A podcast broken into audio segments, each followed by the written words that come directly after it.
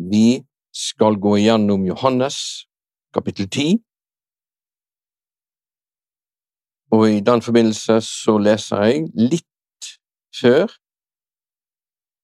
fra vers 35 i kapittel 9.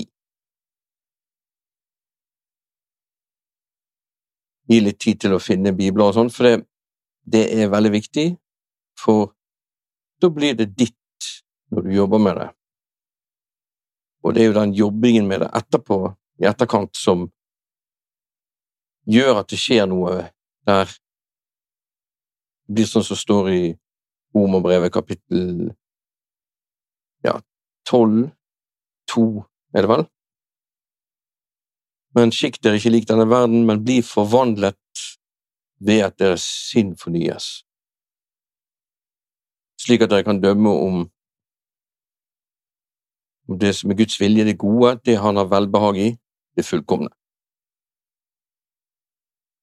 Og Det står jo òg i hebreerbrevet at det ord de hørte, ble til ingen nytte for dem, for det ble ikke ved troen smeltet sammen i hjertet til de som hørte det. Og så er det jo sånn at det er når du jobber med det, at det blir en, en sånn sammensmelting. Grunner på Hans ord. Det står jo om det i Salme 1, dag og natt. sant? Der står det Guds lov, da, men det er det samme prinsippet. Så du kan gå glipp av alt du hører nå, ved å høre og synes at det er interessant. Men hvis du gjør det og jobber med det sjøl, da blir det ditt, og det skjer en forvandling med deg, fordi Gud gjør det med deg. Så Gud forandrer deg ikke, og du kan heller ikke sjøl forandre deg noe særlig mye, men Gud forvandler ved at vi får fornyet sinn. Fornyet får vi for det er Guds ord, er de gode nyhetene. Jeg leser fra Johannes kapittel 9, altså vers 35. Bare kort si at jeg leser Bibelen episodevis, det vil si, her er det en hendelse, og den er ganske lang i dette tilfellet. Så den begynner jo egentlig i kapittel 8, faktisk, så vidt jeg husker. Men det er altså denne blinde, han er blind fra fødsel av, og han har fått synet tilbake igjen, og det blir mye debatt blant fariseerne rundt dette. Og så kaster de han ut av tempelet, er det vel, tror jeg, og så finner Jesus han, sånn så står det her i vers 35. Jesus fikk høre at de hadde kastet han ut, og da han hadde funnet han, sa han til han, Tror du på Guds sønn? Han svarte og sa, Hvem er han, Herre, så jeg kan tro på han? Jesus sa til han, Du har allerede sett han, han som snakker med deg, han er det. Da sa han, Herre, jeg tror, og han tilba han. Jesus sa til dom er kommet inn i denne verden, så de som ikke ser, skal få se, og de som ser, skal blindes. Noen av fariseerne som var med han, hørte da disse ordene sa til han, Er vi også blinde? Jesus sa til dem, Hadde dere vært blinde, hadde dere ikke hatt noen synd, men nå sier dere vi ser, derfor består deres synd. Og så er det kapittel 10 vers 1. Sannelig, sannelig, sier dere, den som ikke går inn i saueinnhegningen gjennom porten, men klatrer over et annet sted, han er en tyv og en røver.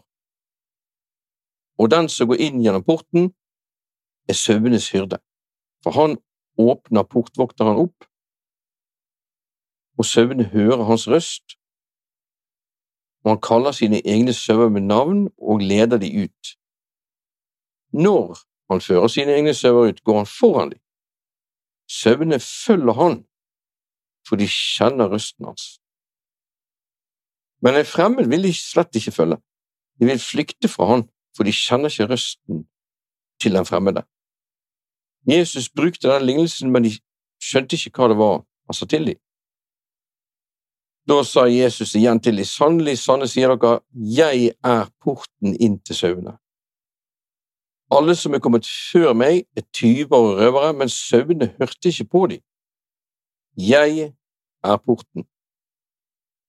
Hvis noen går inn gjennom meg, skal han bli frelst, og han skal gå inn og gå ut og finne beite.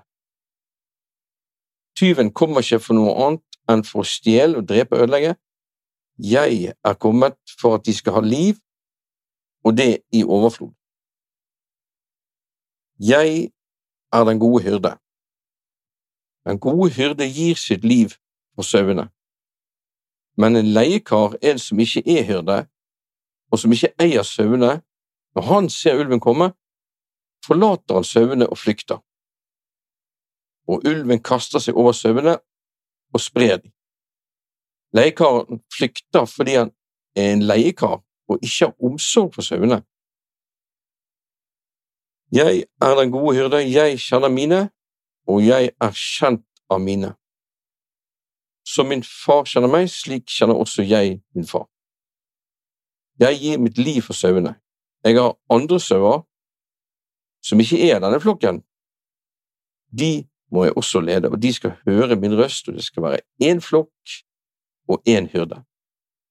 Derfor elsker min far meg, fordi jeg gir mitt liv for at jeg skal ta det igjen. Ingen tar det fra meg, men jeg gir det av meg selv. Jeg har makt til å sette det til, og jeg har makt til å ta det igjen. Dette budet har jeg fått av min far.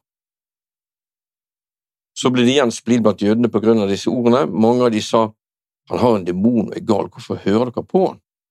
Andre sa slike ord kan ikke være fra en demonbesatt, en demon kan vel ikke åpne øynene på en blind? Festen til minne om tempelets innvielse ble nå holdt i Jerusalem, og det var vinter. Jesus gikk omkring i tempelet i Salomos bugang. Da flokket jødene seg om og sa til han, Hvor lenge vil du holde oss i spenning? Hvis du er Kristus, så si det rett ut. Men Jesus svarte de, Jeg har sagt det til dere, men dere tror ikke. De gjerningene jeg gjør i min fars navn, de vitner om meg. Men dere tror ikke fordi dere ikke er mine sauer. Som jeg sa til dere, mine sauer hører min røst, og jeg kjenner de, og de følger meg. Jeg gir de evig liv, og de skal aldri evig gå fortapt, heller ikke skal noen rive de ut av min hånd. Min far som har gitt de til meg, er større enn alle, og ingen er i stand til å rive de ut av min fars hånd. Jeg og min far, vi er ett. Da tok jødene igjen opp steiner for å steine han. Jesus svarte de, mange gode gjerninger min far, fra min far har jeg vist dere, for hvilken av disse gjerningene steiner dere meg? Ja, vi stopper der, og på en måte litt dumt å stoppe der, fordi dette fortsetter jo, men det blir veldig mye om vi skal ta alt nå, så derfor så stopper vi der, for her er det ja, mer enn nok, kan vi si. Og så ber jeg kort, kjære far, takker deg for ditt ord, takker deg for Den hellige ånd, som gir oss visdom og åpenbaring, og jeg takker deg, Jesus, for at du er den du er, og vi får vite om deg, slik at vi kan bli forvandlet og lære deg å kjenne. I ditt navn, Jesus. Amen. Ja, da går jeg opp igjen her, og så ser vi fra vers 35. Og jeg syns disse versene har vært Ja, hva skal jeg si, for min del har de betydd mye, i hvert fall. De har vært veldig interessante fordi at det har hendt at Gud bruker de til mitt liv i hverdagen. Jeg leser her nå vers 35. Jeg fikk høre at de hadde kastet, ja, Jesus fikk høre at de hadde kastet han ut, og da han hadde funnet han, sa han til han, Tror du på Guds sønn? Han svarte og sa, Hvem er han, Herre, så jeg kan tro på han? Akkurat det spørsmålet der er på en måte mye det spørsmålet som verden stiller. Alle de som ikke tror. Hvem er han, Herre, så jeg kan tro på han? Og de trenger å få se hvem han er. Og den beste måten å se hvem han er på, det er å møte han og måten å møte ham på er gjennom oss, med åndskraftsbevis. Og dessverre så har ikke det vært så mye av det så langt blant oss, men i hvert fall nok til den grad at noen har blitt frelst, deriblant meg. Jeg var 21, og jeg merket noe som jeg ikke skjønte var Gud gjennom et annet menneske. Men jeg merket at det var noe annet noe. Og hun det gjaldt, hun snakket om Jesus, og de ordene hun sa, de virket på meg. Og jeg merker sjøl når jeg har vitnet for folk, så er det liksom samme spørsmålet hvem er han, så jeg kan tro på? Og da trenger de å få høre litt om hvem han er, De trenger å få høre om hvem han er, og hva han gjorde, og, og også hva han gjorde på korset for dem. Og så kan vi si ja, men folk i Norge vet vel det, vel? Vel, ikke demonstrativt, altså ikke på den måten at du demonstrerer det for dem, heter vel kanskje ikke demonstrativt, men, men at du, du eh, ja, viser dem Jesus, gjerne med kunnskapsord, eller med at du praktisk hjelper dem, eller noe som gjør at de skjønner at oi, at det er faktisk Gud. Jeg i hvert fall opplever at alle mennesker egentlig, tror jeg da i hvert fall, har et spørsmål inni seg hvem er han, så jeg kan tro på? Et rop inni dem. Så når jeg møter en ufrelst, så kan det godt være at han ikke vil høre og er stengt og alt mulig, men likevel har han Hvem er han? Så jeg kan tro på han. Men så sier han her Hvem er han, Herre? Det betyr han skjønner jo ikke at det er Jesusen sjøl akkurat der og da. Han er sikkert åpen for det. Og Sånn er det jo med de vi vitner for. De må ha en viss respekt for oss, skal de høre på oss. Herre betyr jo at du på en måte deg den andre personen. Og Det merker jeg at det finnes mennesker som har ingen respekt, og da hjelper jo ikke det å si noe, på en måte. Men som regel har de noe respekt, eller de får det når jeg taler litt, eller at jeg ja, er ledet av Ånden, kommer med noe til de som gjør at de skjønner at oi, her er Gud på banen. Og Der er det jo egentlig bare å være frimodig, for det, vi har fått noe av Gud alle sammen, nok til at hvis vi møter en ufrelst, så har ikke vi råd til å ikke fortelle ham om Jesus, tenker jeg alltid. Det kan være siste gang jeg ser det mennesket. Og da er det sånn, hvem er han Herre, så jeg kan tro på han? Altså, de ser på en måte litt opp til deg hvis du er kristen, mange gjør det. Og hvis de gjør det, da har du på en måte fisken på kroken. Så står det jo ellers i Bibelen sant? at gi akt på deg sjøl og på læreren, for når du gjør dette, skal du ikke bare frelse deg selv, men også de som hører deg. Så noen ganger når jeg da snakker, og jeg får snakke ferdig og får legge ut litt av evangeliet til dem, så er jeg frimodig i bønnen innenfor Gud, for det, det er det løftet Gud, at jeg skal frelse både meg sjøl og de som hører meg. Denne personen hørte meg, og da har du lovt, og det, Gud liker jo frimodighet, han liker når jeg er pågående og frimodig, og når vi alle er det. Videre så sier Jesus, Jesus er til han i vers 37, du har allerede sett han, han som snakker med deg, han er det. Og det verset der er det som har betydd veldig mye for meg, fordi det er ikke alltid du er sikker. Jeg har pratet med Gud mange ganger og vært usikker. Er det han jeg hører, eller er det, er det innbilningen noe annet, liksom? Det er en sånn fase der du er usikker på om det er Gud, du kan komme forbi den fasen der du ikke er usikker i det hele tatt, du bare vet at det er han. Men det fins perioder du kan være usikker. Og Det sier vi med disiplene òg. De trodde jo ene gangen kanskje at det var et spøkelse, og andre gangen så var det ingen som tørde å spørre han om det var han, for de visste det var han, står det. Det er forskjellig modus, kan vi si, i ånden. Du kjenner er dette Jesus, er det ikke Jesus? Og hvis du er vant til å være med han, så gjenkjenner du ham ganske tydelig. Men det har hendt at jeg er usikker. Jesus er jo den samme i går, i dag og til evig tid. Og akkurat dette verset her, det, det sier han gjerne i dag òg. Til deg, hvis du er usikker. Jeg bare liker det verset veldig mye. Du har allerede sett ham. Han som snakker med deg. Han er det. Noen ganger når folk lurer på om det er Gud, så kommer det kanskje bibelvers og oppmuntring, men er ikke sikker på om det er Gud. Nei, det er i hvert fall ikke fienden, pleier jeg å si til dem. Han kommer ikke med bibelvers, og heller ikke med oppmuntring. Så vil dette med, ja, Det kan være min egen innbilning, men jeg har nå sittet selv og prøvd å tenke ut noen positive bibelvers, og klarer det ikke engang, kommer ikke på noe. Men så lytter jeg på Ånden, kommer det ene verset etter det andre. Men det kan vel være at det er faktisk talsmannen som taler, han som ikke skal tale av seg selv, men det han hører, skal han tale til dere. Det kan ikke være at det faktisk er han da du hører, og at det er normalen, pleier jeg å si til folk. Jeg vil lese litt videre. Noen, vers 40, av fariseerne som var med han, hørte da disse ordene og sa til ham, Er vi også blinde? Nei, nå hoppet jeg her. Vi må gå tilbake igjen. Ja. Han er det, ja. Vers 38. Da sa han, Herre, jeg tror, og han tilba han. Og vi ser jo det, noen ganger så blir jo mennesker tilbedt, tilbedt i Bibelen, sånn som så Kornelius, som prøvde å tilbe Peter, men Peter sa glem det der, jeg er et menneske som du. Men Jesus kan ikke si det. Så i vers 38, da sa han, Herre, jeg tror, og det er klart en helt naturlig respons hvis han tror at han her er faktisk Guds sønn, det vil jo være å tilbe ham. Du, du, kan ikke gjøre noe annet. Dette er jeg mener, Når jeg venter på Gud og merker Jesus, hva annet kan jeg enn å tilbe ham? Jeg kan ikke gjøre noe annet.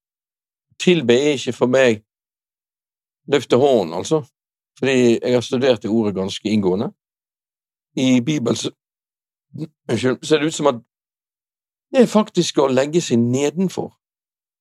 Alle gangene det ordet står i Gammeltestamentet, så ligger de seg på bakken nedenfor. Og jeg ligger på kne, da, og jeg vet ikke når Jesus kommer, jeg pleier jo bare å gråte hver gang jeg merker han, for det, det er for sterkt. Når, når, han bare Det merker han, altså. Det, er, det, er, ikke, det er ikke, ord. Det, jeg klarer aldri å gå fra å ikke se eller merke han til å merke han uten at det kommer tårer. Jeg føler det er umulig. Men nok om det, da. Men han her, jeg tror, og han tilba han. Og Jesus sier ikke 'ikke tilbe meg, for jeg er et menneske som du'. kan ikke Jesus si. Alle andre sant, kan si det, og det eneste personen Jeg måtte hoste litt. Eneste person som det går an å tilbe, er faktisk Jesus. Og Faderen, selvfølgelig. Alt annet jeg har møtt mennesker som jeg har sett veldig opp til, men hva så, liksom? Ingenting er så sterkt som å møte Jesus. Fins ingenting sterkere. Altså, jeg har møtt popartister, men jeg har òg møtt En gang var det faktisk Reinhard Bunke. Og, og, det var spesielt, selvfølgelig, ja da, men jeg tenkte på det, det er jo langt fra så spesielt som jeg kan ha det hjemme til tider. Når kongens ansikt lyser, er det liv, og i hans velbehag er det senere en står i ordspråkene, jeg tror det er 10-15, eh, kanskje 10-10, men jeg husker ikke nøyaktig hvor det står. Men, men når du ser Jesus, når, når, ansiktet hans lyser opp for deg, da er det liv, strømmer liv. Han er jo mista liv. Så at han her tilbyr han, det forstår jeg veldig godt, og Ingen andre er det lov å tilbe, egentlig, faktisk. I hvert fall ikke av mennesker, liksom. Nå er jo ikke Jesus et menneske liksom du, som Peter sa, eh, fordi han er 100 Guds sønn òg. Nå er jo vi òg det, da, men det er bare den førstefødte blant mange brødre vi faktisk kan tilbe. Og vi har jo òg det verset det er slike tilbedere Faderen vil ha, de som tilber i ånd og sannhet. Så Faderen vil ha tilbedelse, men det må være i ånd, kobling i ånden, og i sannhet, altså uten noe sånn påtatt opplegg. Så ja, nok om det. Og så sier Jesus her i vers 39 til dom er kommet inn i denne verden, så de som ikke ser, skal få se, og de som ser, skal blindes. Noen av fariseerne som var med han, hørte da disse ord sa til han, Er vi også blinde? Jesus sa til dem, hadde dere vært blinde, hadde dere ikke hatt noen synd, men nå sier dere, vi ser, derfor består deres synd. Dette er også vers som har betydd mye for meg, i hvert fall, for det er på en måte et prinsipp. Det er kanskje et åndelig prinsipp Jesus sier her. Jeg tenker litt på en sånn hevart når du skal på vann fra et kar og så ned, sånn, så kan du la slangen gå opp av karet og så ned igjen. Så sant enden på slangen er nedenfor karet, så, så renner det, sant? Eller hvis du skal pumpe bensin, men da gjelder det å spytte ut fort så ikke du får det i munnen. Men Hevert-prinsippet, dit det skal, må være nedenfor der det kommer fra. Og jeg kan se for meg noe sånt her, at hvis du har peiling, hvis du er flink, hvis du er professor, som jeg pleier å kalle det, det er fint lite som kommer til deg, altså. Men er du blind, for eksempel det å bli frelst, da må du faktisk være blind. Du må være en som ikke har peiling i det hele tatt. Det er derfor vi har mange kristne i Norge som ikke er kristne, fordi de, de er vokst opp gjerne i kristent hjem, og de har gjerne hatt peiling hele livet. De har aldri noen gang invitert Jesus inn i hjertet sitt, og de har aldri forstått at de faktisk ikke forstår. Og du må faktisk innom den for å bli frelst.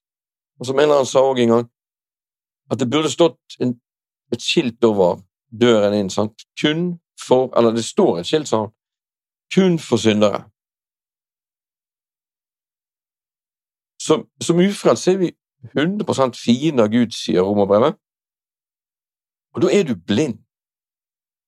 Men det, det rare er at etter du er frelst Jeg husker jeg sa det. Gud, hvordan kan du forvente at jeg skal kunne hele den boken her fordi jeg er blitt frelst? Den er jo tjukk med tynne, tynne sider. Og da tror jeg Gud sa til meg at det forventer ikke jeg. Ja, men det er jo sånn det du må liksom kunne en del her, og Ja, det har blitt en del sånn, sa Gud, men det er ikke fra meg. Det er om å gjøre å ha kunnskap, om å gjøre kunne bibelvers. Ja, du er flink, du kan mange bibelvers. Jeg kan jo ikke mange bibelvers. Jeg har bare brukt tid på å sette meg inn i de, og så tror jeg det er Hellige Ånd som tar det frem, for det, Jesus sier jo han skal minne dere om alt det jeg har talt til dere. Har du fått med deg hva Jesus har talt til deg, altså Matteus, Markus, Lukas og Johannes, ja, så er det lett for Helligånden å ta det frem med rette ord til rette tid. Men jeg går ikke rundt og føler meg som et leksikon på ingen måte. Jeg føler meg som en tom datamaskin i så fall, som ikke er på internett før jeg våkner om morgenen og kommer meg på kne. Og det er jo sånn som Bibelen sier at kunnskap blåser opp, men kjærlighet det bygger opp. Og Jeg har alltid vært litt redd for å ha masse kunnskap, men ikke kontakt med Gud. Det, det syns jeg er en felle å gå i. Her i Norge har vi mange sånne teologer. Noen av de er ikke frelst engang. De har aldri noen gang sett behovet for å invitere Jesus og be om at han skal komme inn i hjertet deres. De er rett og slett for stolt. Rett og slett, De har peiling, de trenger ikke det. Jeg håper jo ikke at det er noen sånne til syvende og sist, men jeg har møtt en del varianter, og jeg har tenkt at oi, oi, oi, hva er dette for noe? Men Gud har nåde for alle, heldigvis, og Jesus sier til dom altså, jeg, jeg, Han sier også at 'jeg er ikke kom for å dømme verden, men for, for å frelse'. Sant? Men han er likevel kommet til dom, selv om ikke han dømmer og dømte når han var her. Så er han allerede kommet til dom. Og han kommer jo igjen som konge og dommer, absolutt. Men frem til da så dømmer ikke Jesus noen. Han sier òg at dere dømmer etter skjødet. Jeg dømmer ingen. Så Jesus dømmer for tiden ingen. Men han sier riktignok at de ord jeg har talt, vil på den siste dag dømme han hvis man ikke tar imot dem. Og han er også kommet til dom, på den måten at det at han er kommet, det gjør at det ligger en dom her. Og han sier òg at den som ikke tror, er allerede dømt.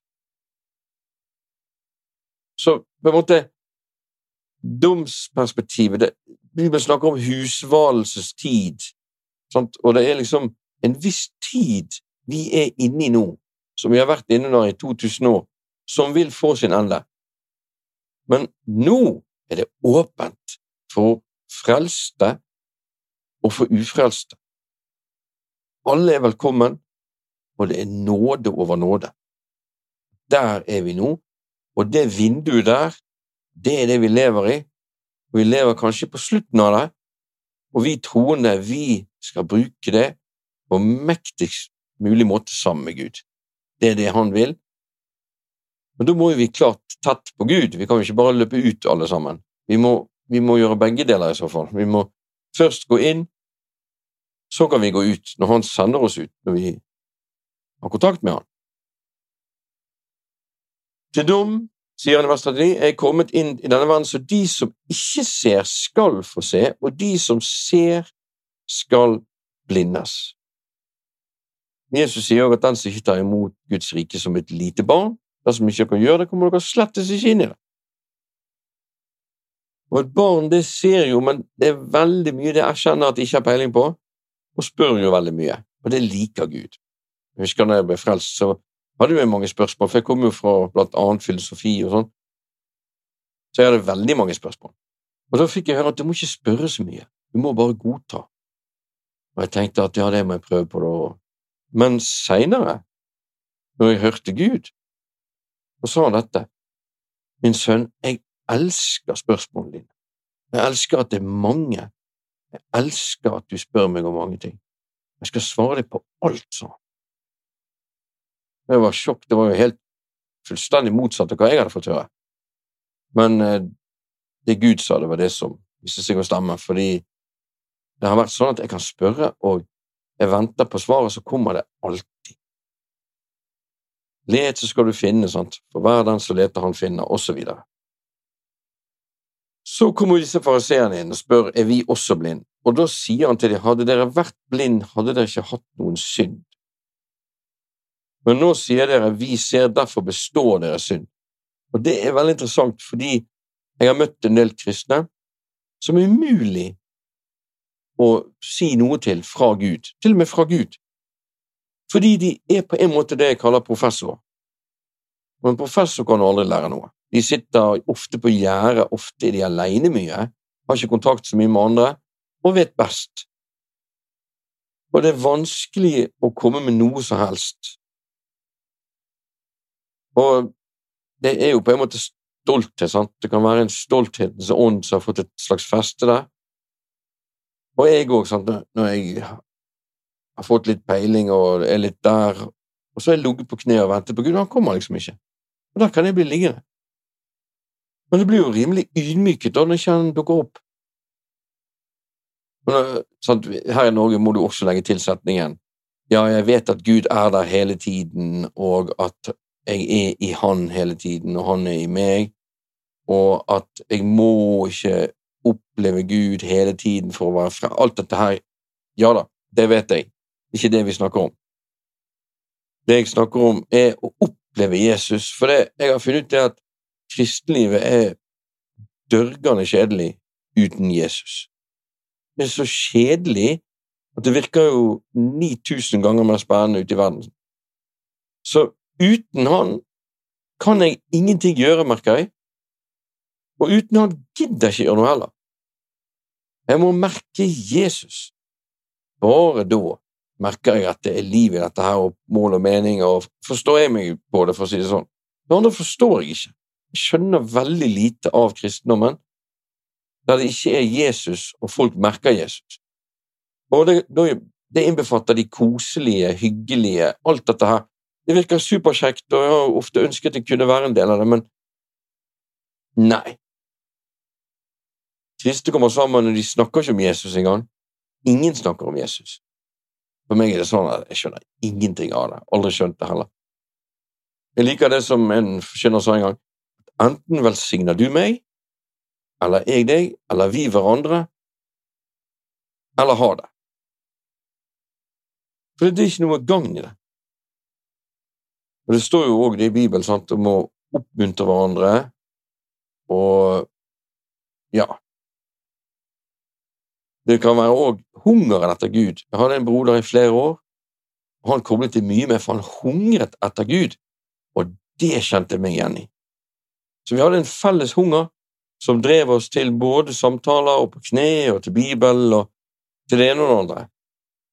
Han er gått hjem til Herren i dag, men, men eh, det var en velsignelse å kjenne Han. Og det prinsippet hadde dere vært blinde, hadde dere ikke hatt noen synd. Men nå sier dere vi ser, derfor består deres synd. Altså, med en gang du får peiling, så blir på en måte saken låst, situasjonen din låst, og du hører ikke Gud gjerne, sant? Men med en gang du erkjenner at ok, jeg har ikke peiling, Gud, tilgi meg, hjelp meg, jeg har ikke, forstår ikke dette, og du mener det òg, ikke bare sånn skuespill, selvfølgelig, men hvis ikke du mener det, ingen problem, bare vent på Gud, du. Og går det fem dager og ikke har møtt deg omtrent noe, så skal det ikke så mye til at du mener det òg. For da er det ok, Gud, jeg er tydeligvis blind, jeg ser jo ingenting her, jeg har gått feil, jeg trodde vi hadde kontakt, men hvor er du blitt av, liksom? For meg er det på en måte, altså Jeg arbeider på min frelse med frykt og beven, men hvis jeg ikke merker Jesus, og da mener jeg ikke på et møte der vi løfter hendene alle sammen Jeg mener i mitt liv, alene, hver morgen, hver dag. For det er det han har gitt meg, å vandre i et nytt liv og fellesskap med han, sammen med han. Ja, da må jo han selvfølgelig dukke opp, hvis ikke så har jo jeg et problem. Da er det noe som ikke stemmer. Skal jeg gå videre? Kapittel 10, vers 1. Sannelig, sannelig sier dere at den som ikke går inn i saueinnhegningen gjennom porten, men klatrer over et annet sted, han er en tyv og en røver. Her kommer dette sannelig, sannelig. Det er jo ikke akkurat noe ord vi pleier å bruke i norsk tale i dag noe særlig. Og på engelsk sant surely, surely eller verily, verily. Men det er faktisk ordet amen. Samme ordet på gresk. Amen, amen, sier jeg til dere. Og hva betyr det igjen? Jo, det betyr jo la det skje, la det bli hørt. Det er på en måte en sterk kunngjøring. Når Jesus sier det, så er det kjempesterkt. Og når han sier det to ganger etter hverandre, da er det sånn garantert, garantert type det fins ingen annen vei utenom dette. Dette er standarden. Alt annet som ikke stemmer med dette, det er feil. Og Her er det det han gjør. Han sier sannelig, sannelig, sier dere, den som ikke går inn i saueinnhegningen gjennom porten, men klatrer over et annet sted, han er en tyv og en røver. Og jeg pleier å si det at når folk holder på med andre religioner, der ingen har dødd for deg, og det er jo snakk om uh, menneskets vei opp til Gud, være flink nok, liksom, istedenfor faktisk Guds vei ned til oss, at Jesus kom. Og det er snakk om at du skal ta deg sammen og alt mulig greier. Eller alternativet, det åndelige, alt mulig åndelig. Vi har jo også prinsesse Martha her i Norge, sant, med englegreiene. Alt det der kaller Jesus klatre over et annet sted, for det er ikke gjennom porten. Nå er du inne i det åndelige uten Gud. Og det fins jo ånder uten Gud. Det er jo de som har falt vekk fra Gud og valgt seg vekk fra Gud. Altså til syvende og sist onde krefter. Førende demoner, står det i Bibelen. Og alt sånt, det er uten Jesus, eller de har med Jesus på en sånn der eh, Hva skal jeg si En sånn De, de opplever det som en balansert måte. Han er Jo da, Jesus òg er godtatt. Han òg. Jesus òg. Jesus òg løgnen. Fordi du kan ikke ha Jesus òg når Jesus har sagt at 'jeg er veien, sannheten og livet'. Ingen kommer til Faderen uten gjennom meg. Da kan ikke du ha noe Jesus òg. Da er det bare han, da. Hvis du, hvis du da kjører Jesus òg, kjører du en annen Jesus enn den som Jesus faktisk er. Eller skal du ta en Jesus og lage deg en egen Jesus og si Jesus òg? Når du klipper i Bibelen, noen vers liker du, og du liksom limer inn i en sånn glansbildebok. Det er ikke Jesus. Enten må Jesus få lov å være den han faktisk er, og stå for sine egne ord, eller så er det jo, kan vi kalle han for Petter, for den saks skyld. Men hvordan vet vi det er hans ord? Jo, det vet vi. Vi har, som en vis broder sa, vi har én en eneste kilde, historisk kilde, på at det fins en mann som har hett Cæsar, men vi har fem-seks når det gjelder en mann som heter Jesus, og som også er Guds sønn. Vi har Matteus, Markus, Lukas og Johannes, og vi har den ikke-kristne jødiske historieskriveren Josefus, eller Josefus, hvordan det uttales. Disse bekrefter at jo, Jesus han var den som Bibelen sier han var, og er. Så du kan ikke ha Jesus og og du kan heller ikke velge din egen Jesus ved å ta visse ord og visse ikke. Jesus sier vel sjøl at himmel og jord skal få gå, men ikke engang et kommategn av mine ord skal få gå. Og det står også i Jeremia at jeg, Herren, våker over mitt ord og fullbyrder det. Så Bibelen er aldri noen gang tuklet med i den forstand i det hele tatt.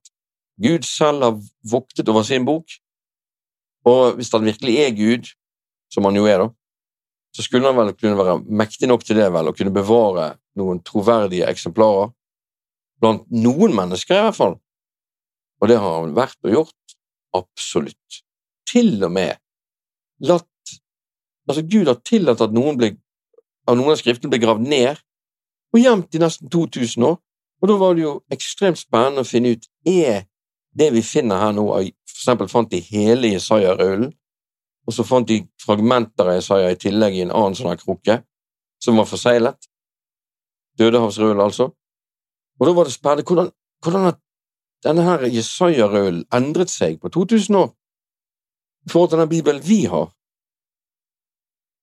Og det svaret er jo helt fantastisk. Ingenting. Samme Jesaja. Halleluja. Så Jesus og greien kan du bare glemme. Enten må du ta Jesus for den han er, og det er sånn med deg òg, hvis du skal få lov å være deg selv, må du få lov til å presentere deg sjøl slik som du er, i stedet for at andre skal synse og mene hva du tenker. Sånn er det med Gud òg.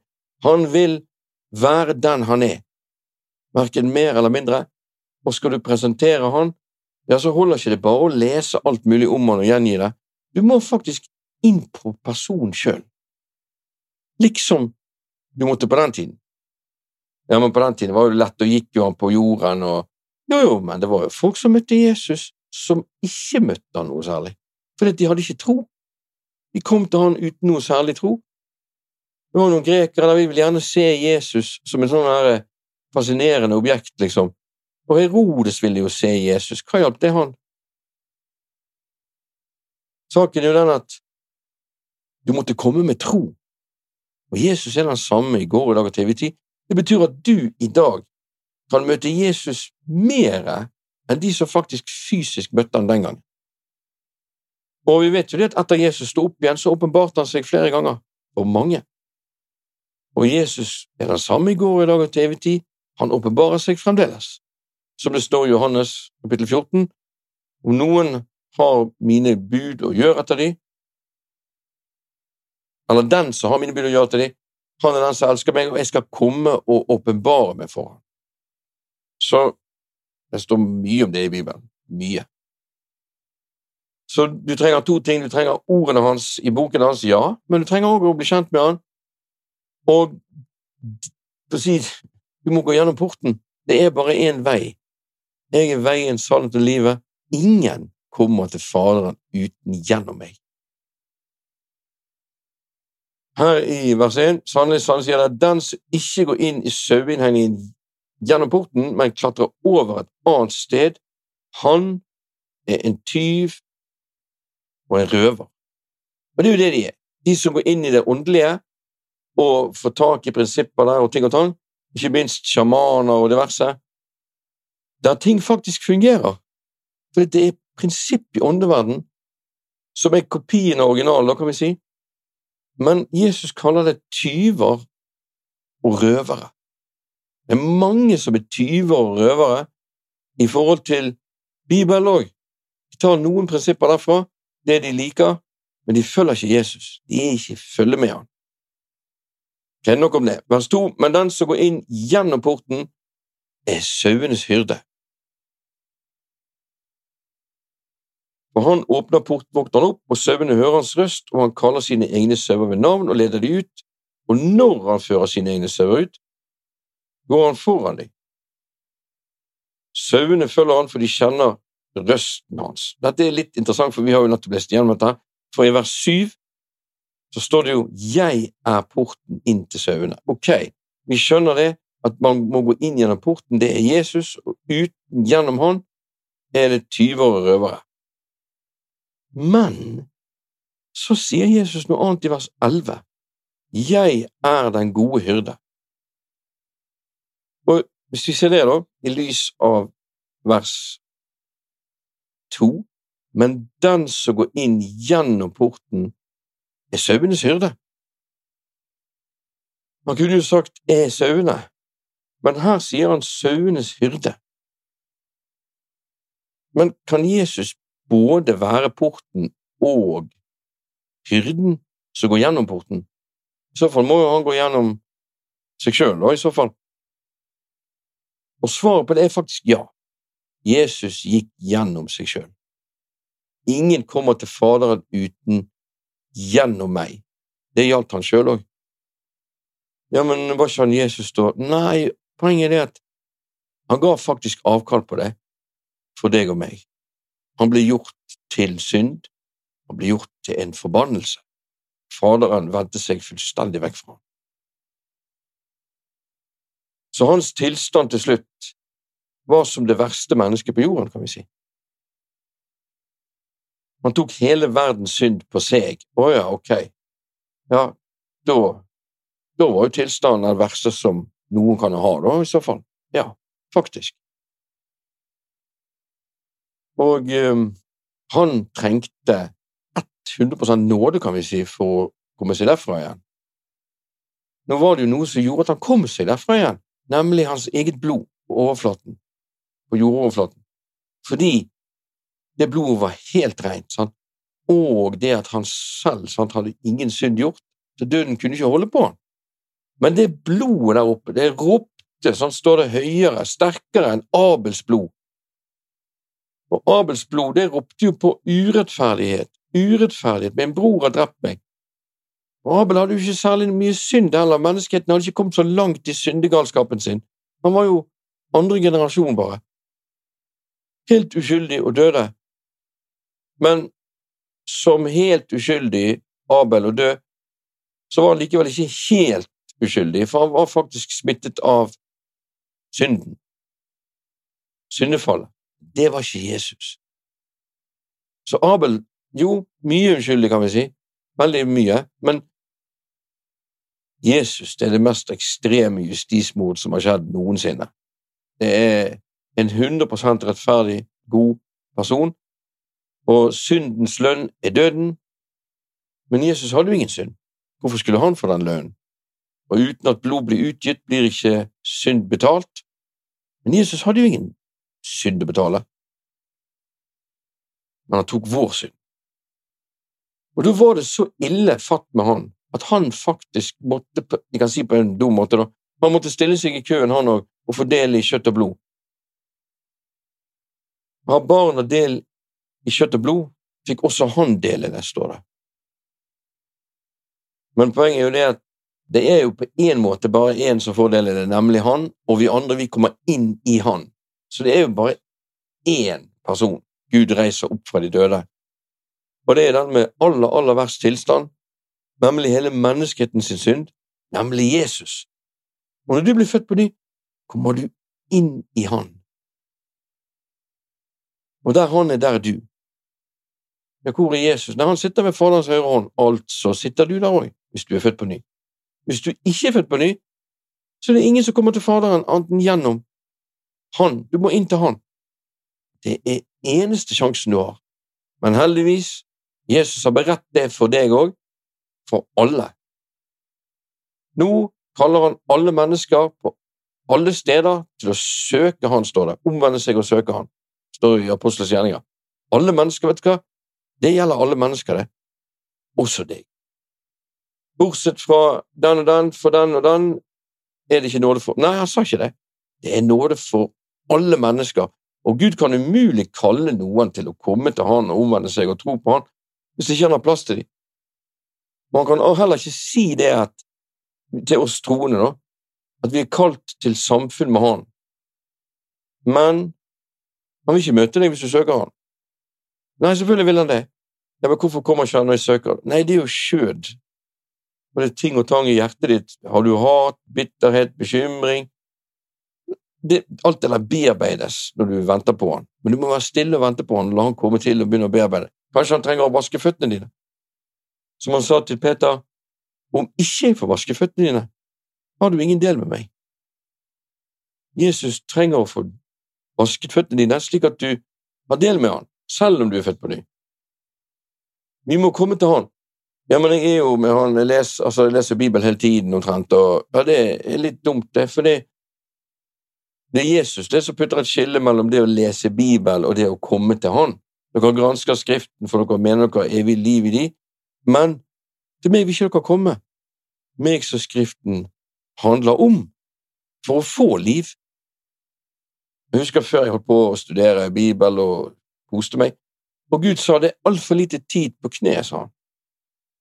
Og så skiftet jeg over og begynte jeg å gå på kne, og da sa han en gang etter en lang stund nå er det litt for lite tid i mitt ord. Så syns jeg ja, men du sa jo ja, men være, det er en balanse her. Det må være en balanse. Og det er jo sånn at et fly det kan jo gå uten en flymotor. Jeg pleier, jeg pleier å si det er to flymotorer. Det ene er å grunne på ordet, altså ikke lese Bibelen. Og det gjør du bare for slik at du kan grunne på ordet. Men meditere på Hans ord, grunne på det. Og det andre, det er på kne. Men hvis jeg skal velge hvilken motor jeg kan klare meg uten en stund, så er det faktisk den grunnen på ordet. Men den kontakten med Helligånd, den på kne, den som kommer, den vil jeg den vil ikke miste. Men tror du på Jesus, at han er Guds sønn, at han døde på korset og sto opp igjen og lever, så er du en ekte troende, du er hellig, Den hellige ånd bor i deg, og Gud vil ha samfunn med deg. Nok om det. Vers 2. men den som går inn gjennom porten, er sauenes hyrde, ok? Vi vet det at han i hvert fall gikk gjennom den porten, for han åpner port, portvokteren opp på portvokteren, opp portvokteren, det tror jeg er Faderen. Og sauene hører hans røst, og han kaller sine egne sauer ved navn og leder de ut, altså vers tre. Fantastisk vers, spør du meg, fordi dette gjenkjenner jeg. Jeg tror ingen som er født på ny, som har hørt hans røst, ikke har hørt at han sier navnet ditt. Han kaller på deg, og noen ganger, hvis du er gutt eller mann, så sier han min sønn, og hvis du er kvinne sant, eller jente, datter, min datter, men noen ganger så er det faktisk navnet ditt. Som det står her, han kaller sine egne sauer, det betyr at han eier de altså, ved navn, og leder de ut. Når han fører sine egne sauer ut, går han foran dem. Sauene følger han, for de kjenner røsten hans. Og Da var det òg en vis bror den dag som sa det at hvis du løper foran Gud, det er bedre faktisk å gå for langt bak i så fall, enn å gå for langt foran.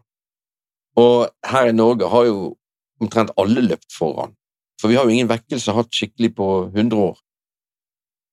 Vi har noen der det er tilløp til noe, og det er mange folk gjerne en stund, men vekkelse i den forstand Men folk har vært veldig aktive kristne, men ingen vekkelse. Det er litt skremmende. Det betyr man løper foran han. Man venter ikke på han. Og det er jo sånn òg at han går foran, og de følger han. Her, her er det sånn mange kristne er kristne ut fra sitt eget hode i dag. De har ikke kontakt med han, de hører han ikke, og det er klart, da kan de heller ikke følge han. Og jeg, jeg har hørt han noen ganger, men jeg har likevel klart å løpe foran han. Det hender Gud har sagt en halv setning omtrent, og jeg har løpt av gårde. Og så har det kostet meg dyrt. Jeg hørte noe, og jeg tolket det dit hen at Sånn der, ja, ergo, da er det dette Jesus da mener. Den er skummel. I dag så spør jeg Gud en god del etter jeg har hørt han si noe, for jeg må vite litt mer rundt det.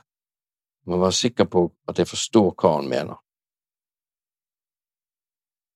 Og likevel pleier det å være detaljer jeg mangler svar på, så jeg må be ekstra. Så det å få et oppdrag av Jesus, og oppdrag det er det samme som bud, som han sier, bud er det samme som befalinger, egentlig. Når Jesus For det første så er det mange troende Jesus ikke befaler noe i det hele tatt, fordi de ikke kom der med han, at de er trygge på han, ikke kom der at de har intimitet, de er ikke der at de opplever at Faderen er for dem alltid, og at Gud elsker dem veldig høyt. Sånn. Og det å begynne da med oppdrag, det er litt vanskelig. Jeg merker også i dag at jeg har oppdrag, men likevel Gud holder meg på den der godstunden med Han lenge og vel før vi skal gjøre noe som helst. Jeg pleier å si det sånn at først så møter jeg eh, kongen, og så går vi spiser frokost sammen, meg og pappa, meg og Gud, og Jesus merker jeg, og så etterpå så går vi i statsråd. Det høres jo litt høyt ut, det, da, men etterpå kan det være at vi også skifter, hjelper noen å skifte dekk på bilen. Altså, det er alt mulig.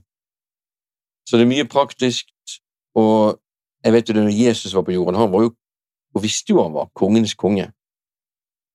Likevel så kom han ikke her som det, for han skjønte jo det, at dette her Nå er det et oppdrag, og han var på en måte undercover, kan vi si, og han kom som i en tjenerskikkelse.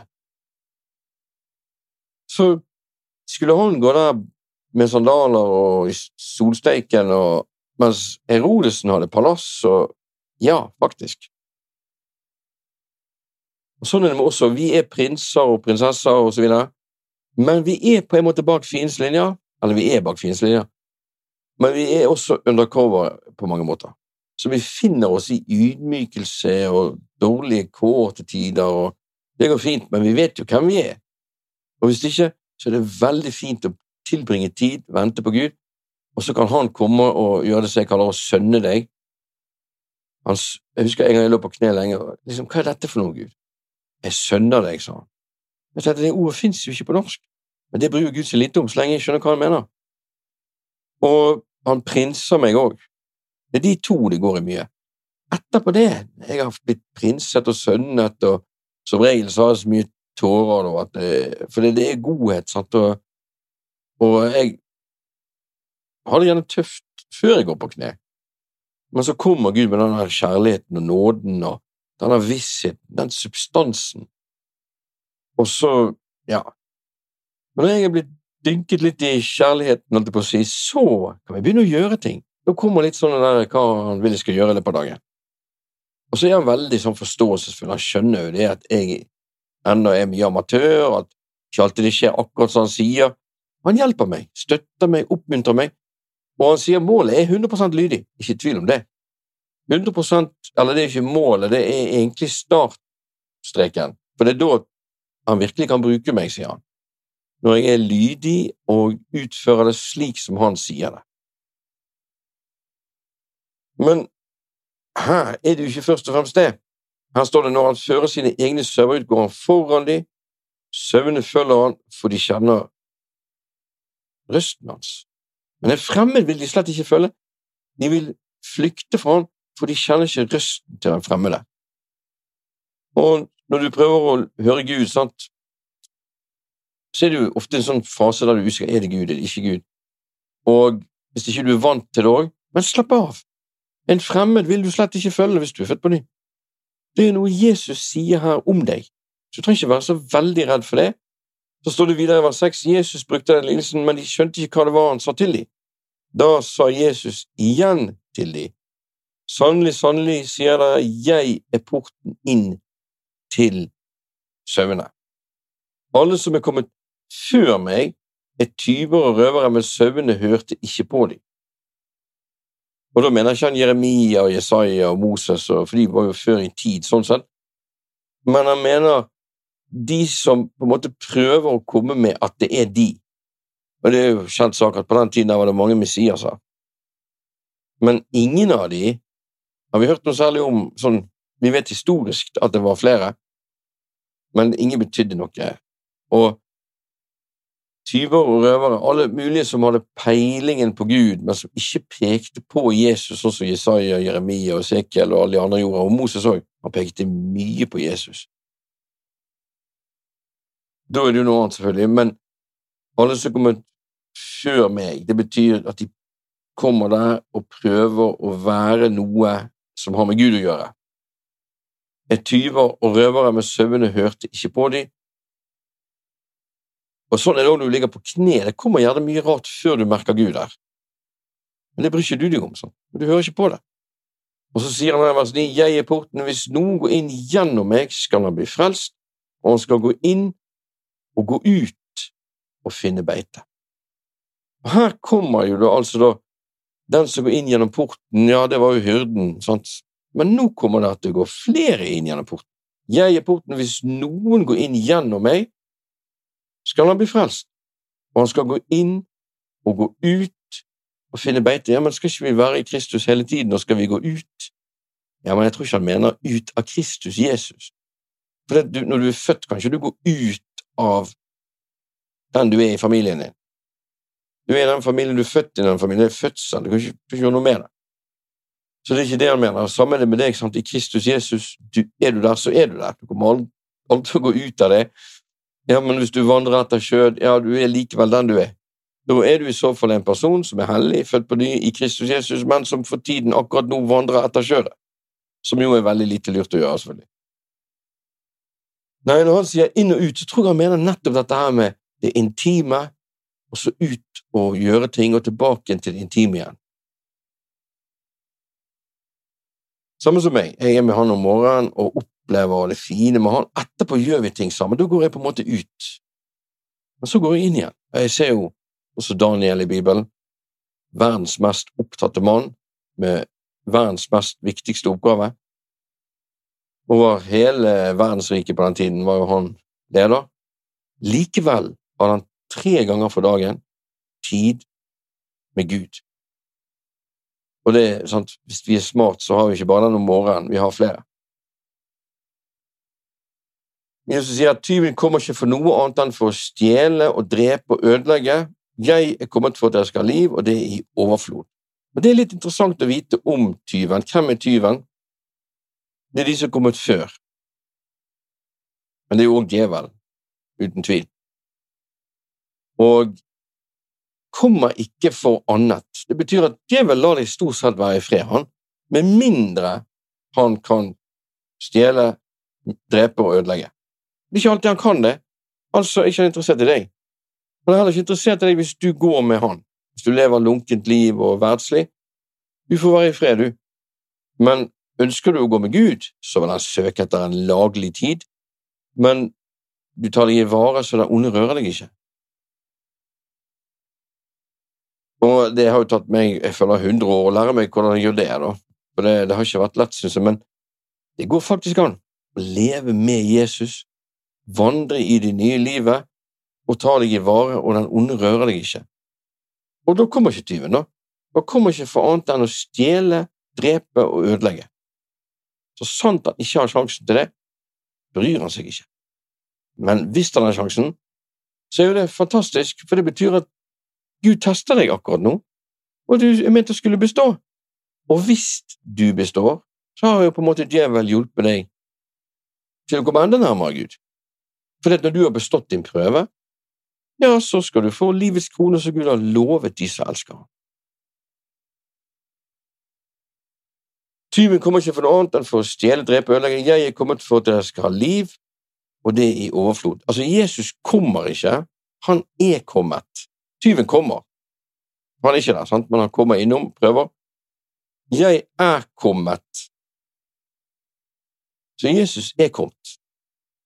Og grunnen er for at vi skal ha liv, og det i overflod. Noen mener at det overflodet er jo når du går ut til andre og velsigner de òg, men jeg mener det er begge deler. For det er noen ganger når jeg har vært med Gud, så har det vært mye liv her, og så har det gått over i overflod. Altså Det er det jeg kaller too much. Jeg føler jeg holder på å dø av kjærlighet, altså fra hans kjærlighet til meg fantastisk, egentlig, men, og da er det sånn Å, det er for mye, men Gud, du skjønner hva jeg mener med det. Jeg mener ikke egentlig at det er for mye, men det føles på bristepunktet her. Og det er ikke alle som får oppleve det, har jeg skjønt, men søker du Gud på kne jevnlig, du kan ikke unngå å oppleve det. Jeg tror det er umulig, altså. Så jeg tror det er både liv som vi har, men også overflodet, og også til de andre. Så var det, skal vi se her ja Det er å følge han, røsten hans, vi leste i vers fire, og han går foran de, og det var det jeg skulle si, at de går inn og de går ut. Men han har jo fortalt dem hvordan de går ut, nemlig at han går foran dem, og de følger han. Det betyr de går ikke ut på egen hånd. Ikke det det er snakk om her. For det er måten de går ut på, har jo han allerede sagt til dem. Når han fører sine egne sauer ut, går han foran dem. Sauene følger han, for de kjenner røsten hans, og hemmeligheten er at de kjenner røsten hans.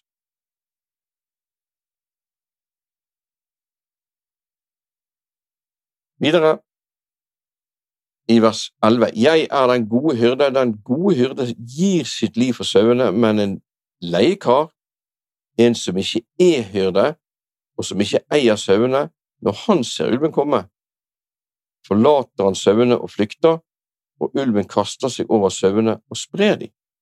Leiekaren flykter fordi han er leiekar og ikke har omsorg for sauene. Jeg er den gode hyrde, jeg kjenner mine, og jeg er kjent av mine. Så min far kjenner meg, slik kjenner også jeg min far. Jeg gir mitt liv for sauene. Ok, jeg går litt opp i der, altså. Jeg er den gode hyrde. Akkurat den setningen er på en måte Hva skal vi si da, revolusjonerende? Altså, jødene de kjente jo til skriftene, og ikke minst Salme 23. Herren er min hyrde, jeg mangler intet. Sant? Og, og Skal vi se Her har jeg en uh, katt i studio her, og hun er jeg nødt til å slippe inn. Skal vi se.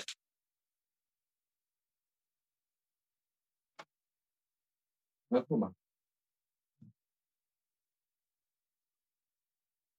Ja. Jeg lot henne bjaue litt før jeg slapp henne inn, men jeg tenkte at jeg får bare slippe henne inn. Ok, tilbake igjen her. Og en leiekar Ja, skal vi si, jeg er den gode Ja, det var det jeg skulle si. Salme 23, altså. I Salme 23 Herren er min hyrde. Og så kommer den fantastiske salmen, sånn. Og den statementen Jesus kommer med her, det er på en måte hvem er denne hyrden? Og så kommer da Jesus her med svaret. Jeg er den gode hyrden. Den gode hyrde gir sin sjel eller sitt liv for sauene.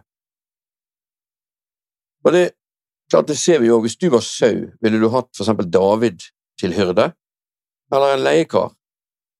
Vi vet jo det, David kjempet mot, mot både bjørn og løve på sauenes vegne. Så en sånn en ville jeg hatt hvis det var sau, da. Og det er jo det Salme 23 handler om. Sant? Altså, hans kjepp og hans stav trøster meg, om jeg enn går gjennom død. Altså, det er en hyrde som virkelig beskytter. Og her er det sånn jeg er den gode hyrde. Den gode hyrde gir sitt liv sauene. Altså, det er på det nivået han er hyrde. Og det er ikke sånn at ja, men da må han gjøre det. Nei, han har gjort allerede. Han har allerede bevist han at han er en sånn hyrde. Men en leiekar, en som ikke er hyrde, og som ikke eier sauene, når han ser ulven komme, forlater han sauene og flykter, og ulven kaster seg over sauene og sprer dem. leiekaren flykter fordi han er leiekar og ikke har omsorg for sauene. Og da må jeg jeg måtte dessverre si at jeg var en gang med en pastor, og vi hadde litt med folk å gjøre, og han sa til meg vi eier ikke sauene, Karsten, vi eier ikke sauene. Og det tenkte jeg, det har han jammen rett i, det det var vise ord. Så gikk det noen år, og så tenkte jeg at nei, det var det aldeles ikke. Altså, det høres jo veldig vist ut, sånn for det Ja. Fikk litt forstyrrelse. Eh, det høres jo veldig vist ut, fordi i den betydning at vi, har, vi skal ikke ha kontroll over folk. Nei, selvfølgelig ikke, sant. Men likevel så var det noe som ikke stemte der, altså. Og, og riktignok, ulven kom, og Sauene ble spredt, nøyaktig sånn som Jesus sier her. Og Gud viste meg da at enten eier du sauene, eller du er ikke med meg i det hele tatt. Fordi at enten holder du til meg, altså den som holder seg til Herren, er én ånd med Han. Og da kjenner du det samme som Jesus kjenner. Det er deg i Kristus, men det er òg Kristus i deg. Da kjenner du samme lidenskapen, samme alt sammen. Ditt liv er skjult med Kristus i Gud, og hvis han eier sauene, og du er ett med han, ja, så kjenner du på det samme. Du er ikke noe leiekar. Nei, og du kan til og med gå i døden for dem, og det kjenner du òg. Du kan ikke hjelpe for at du kjenner det engang. Så hvis Gud gir deg til å ha med noen å gjøre og følge dem opp og sånn, du føler at deres utfordringer er dine, du føler at det du har, kan du dele med de. Altså, det er på en måte det er ingen forskjell, føler du.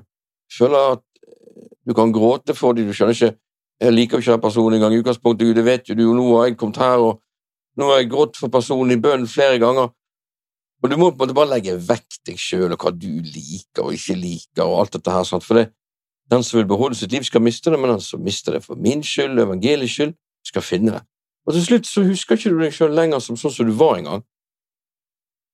Og du går ikke rundt og tenker du eier sauer, liksom, ikke, ikke sånn, men det er faktisk sånn at når du står om morgenen og kobler med Gud og vandrer med Han litt på dagen, du kjenner det han kjenner på. Og det er jo bare én som er på en måte den gode hyrden, det er han. Og du kan være juniorhyrde og assistere der, på en måte, men dere har på en måte en eierskap til dem som du vil av deg. Og en slik hyrde, altså er du hyrde eller pastor, så er jo målet ditt å bli arbeidsledig.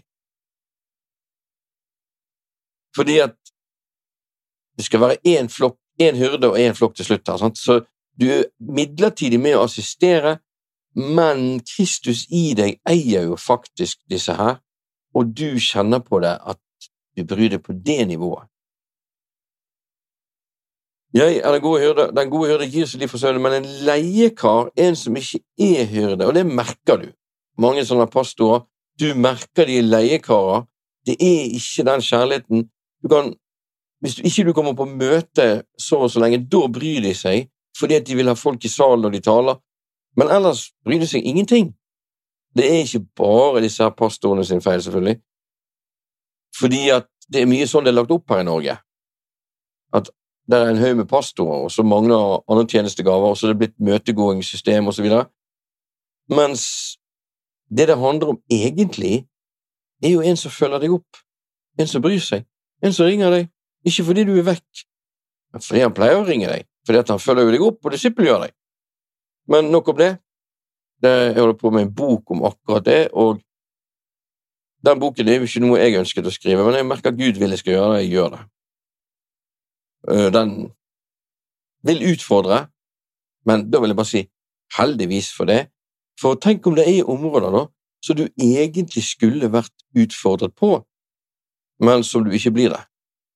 Fint å vite det nå mens du er på jorden, fremfor vi skal hjem.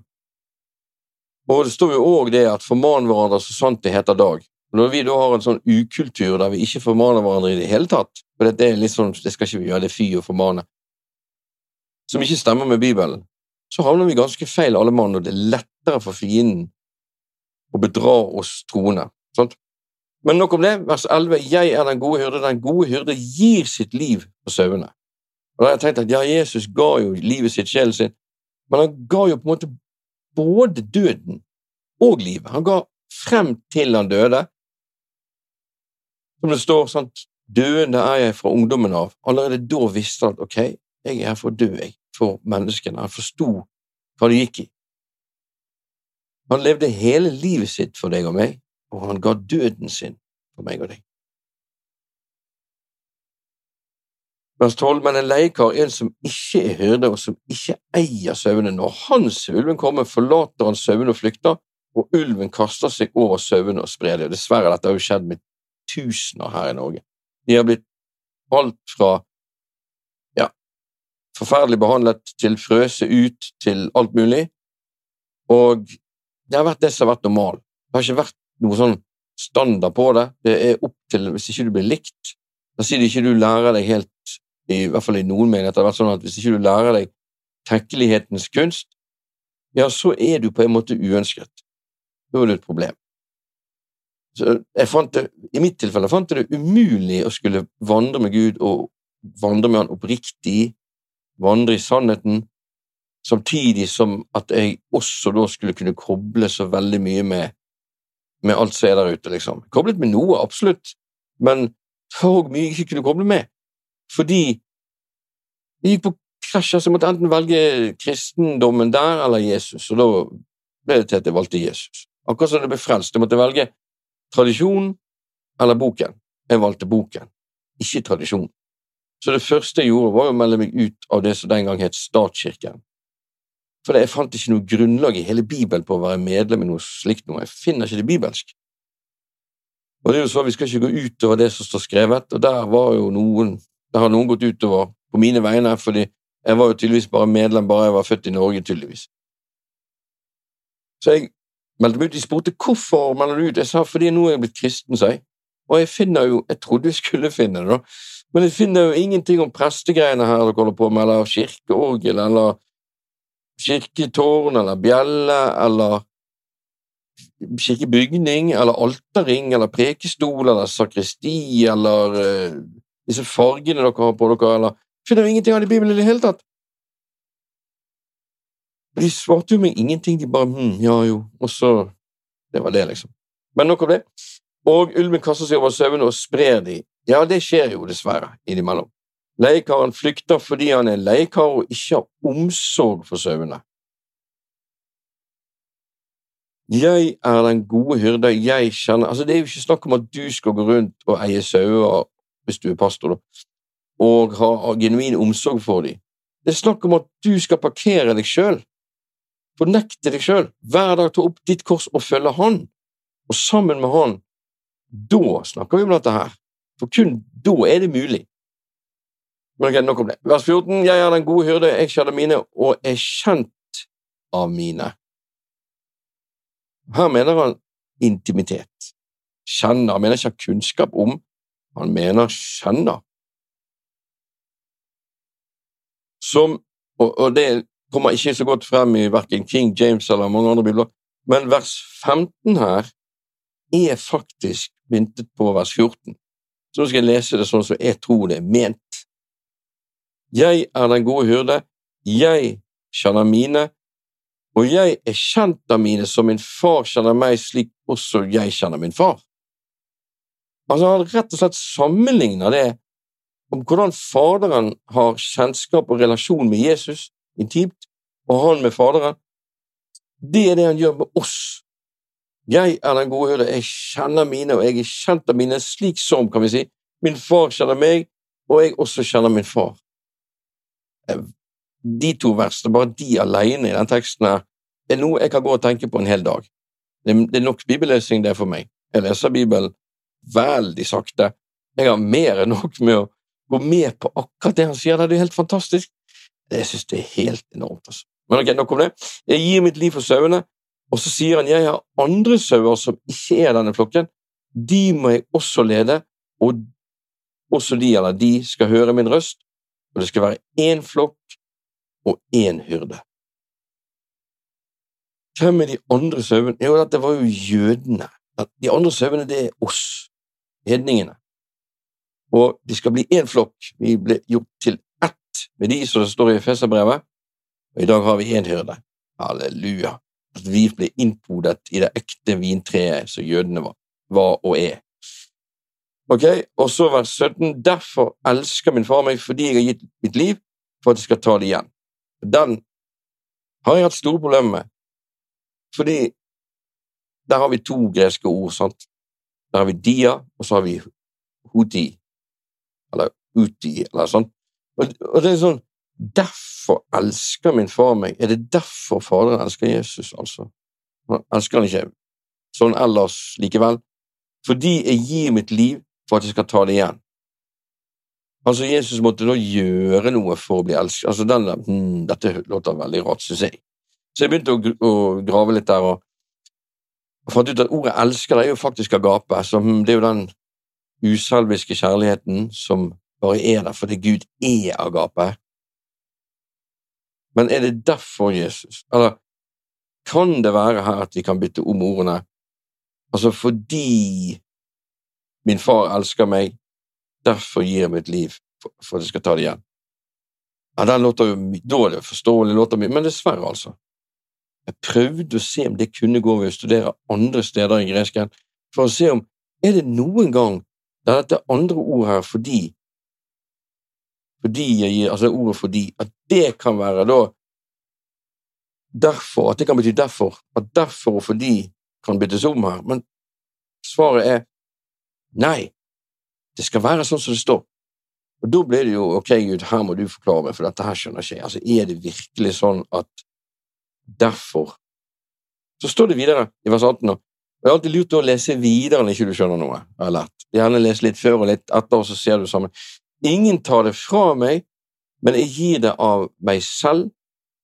Jeg har makt til å sette det til, og jeg har makt til å ta det igjen. Dette budet har jeg fått av min far. Ordet bud må du stort sett oversette med befaling. Denne befaling har jeg fått av min far. Og ja, Faderen har befalt Jesus altså til å gi sitt liv og ta det igjen. Er det derfor Jesus gjør det, fordi han har befalt til det av Faderen? og så vil han egentlig ikke, og så avsløres det i Getsemane. Nei, jeg tror at han og Faderen er ett, og at Jesus virkelig vil det òg for meg og deg, men det fins ett punkt der ting ble så tøft at han rett og slett bare Er det mulig å gjøre det på noen annen måte? Men selv om Jesus hadde det punktet der, der han lurte på det, så innrettet han seg fullt og helt under Faderen og etter planen igjen, og mente det virkelig derfra og videre til Golgata-korset. Og Faderen har aldri vært i tvil. Han virkelig ville ha tak i deg og meg. Og Jesus òg, bortsett fra at når det røynet på der, så røynet det så heftig på at jeg tror det var forbi hva Jesus hadde sett for seg, enda han hadde forberedt seg og var døende for ungdommen av. Likevel når det først sto på, så var det altfor tøft.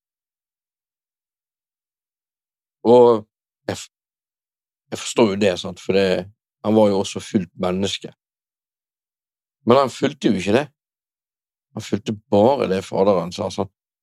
Og Det er klart at det er jo en enorm grunn til å elske noen, akkurat det i seg sjøl, og det er jo derfor ofte man elsker Jesus, fordi han døde for oss. Sånn.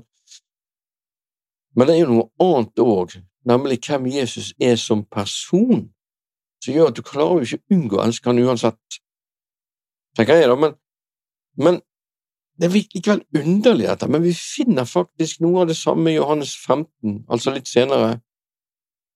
Han sier det at bli i min kjærlighet liksom jeg blir min fars kjærlighet, sånn. Hvis vi ser bitte litt på den, Johannes 15, cirka vers 10, kanskje, så står det hvis dere holder mine bud, og igjen, altså, bud er befalinger, dersom dere holder det jeg befaler, blir dere i min kjærlighet på samme måte som jeg har holdt min fars befalinger og blir i hans kjærlighet. Altså betingelse for å bli i den kjærligheten. Og Det er det at du gjør som han sier til deg. Og det òg står det om i Johannes 15. Hvis vi finner det Altså, ja, han sier dere er mine venner dersom dere gjør alt jeg befaler dere. Liksom, alt? Jeg må gjøre alt du sier, kun da er jeg venn? Men altså, når du er født på ny, så får du den vennegreien automatisk. Altså, Det står jo òg det at derfor elsker også Faderen dere fordi at dere har elsket meg og tror at jeg er utgått fra Han. Og det ordet elsker der, det er filio. Filio, det er vennskapskjærlighet. Så Faderen han har gapet til deg, absolutt, men han har òg filio fordi du liker Jesus, og du tror at han er kommet fra Faderen. Altså er du venn med Faderen. Han er ikke bare faren din, men han er òg vennen din. Viktig det. Det er ikke alle fedre som også er venner, og det er ikke langt fra alle venner som også er fedre, men Gud, han, har, han er begge deler. Han vil vi skal vite at han er begge deler samtidig. Men det var disse betingelsene, da, med at dersom og hvis ikke vi Altså, er det Vel, et, siden Gud er agape, og han og Faderen er ett, så tror jeg at Faderen elsker Jesus konstant, alltid, hele tiden. Men det at Jesus ikke går ut fra planen, ut fra lydigheten, ut fra, eller bort fra Faderen Dermed, Jeg tror det er mer sånn Da forblir denne kjærligheten der. Derfor elsker Faderen meg. Altså type Det pågår. Det, det, det, har ikke blitt mindre, det har ikke diminished, holdt jeg på å si. Det er konstant. For jeg følger planen jeg, jeg, skal ikke si jeg har den fulle åpenbaringen på denne, fordi så langt ser jeg det. Hvis noen ser noe mer, superspennende, men òg spennende å spørre Gud, og så kan han vise hvis det er noe mer. sånn. Men så kommer Jesus med altså Vi har jo dette med ja, jødene drepte Jesus. Det har jo vært mye jødeforfølgelse på grunn av den idiotsetningen der. Så har vi ja, det romerne som drepte Jesus. Men så har vi at Nei, det var jo meg og deg som drepte Jesus. For det er vår synd gjorde at han måtte dø. Og det er ikke bare synden før du ble frelst, men alt tullet du har funnet på etterpå? Derfor måtte Jesus dø. Det drepte han, kan vi si. Men vi vet jo det, at bak der igjen så var det jo på en måte da Det var jo mørke krefter som var aktive, sånn. men det var på en måte Faderen som en sanger i en sang, så holdt han hammeren. Fordi at Derfor måtte jo Jesus gå med på å bli spikret opp, for det Faderen sa han skulle bli det, befalte det, det var nødvendig, på grunn av meg og deg. Så på en måte var det Faderen, på en måte, men vi har også en annen måte. Korset er veldig spennende, for det er mange ting som krysser hverandre der, nøyaktig akkurat der. Her kommer det en ny side ved korset sånn, som er helt enorm. Ingen tar det fra meg, men jeg gir det av meg selv. Jeg har makt til å sette det til, og jeg har makt til å ta det igjen. Denne befalingen har jeg fått av min far. Det betyr at ingen kunne rørt Jesus om ikke han sjøl ga det fra seg og han brukte makten sin til å sette det til. Altså var det en fullstendig frivillighet etter Getsemane, som, som var planen egentlig flere tusen år før Getsemane. Men Jesus han spurte Faderen er det mulig dette her på en annen måte.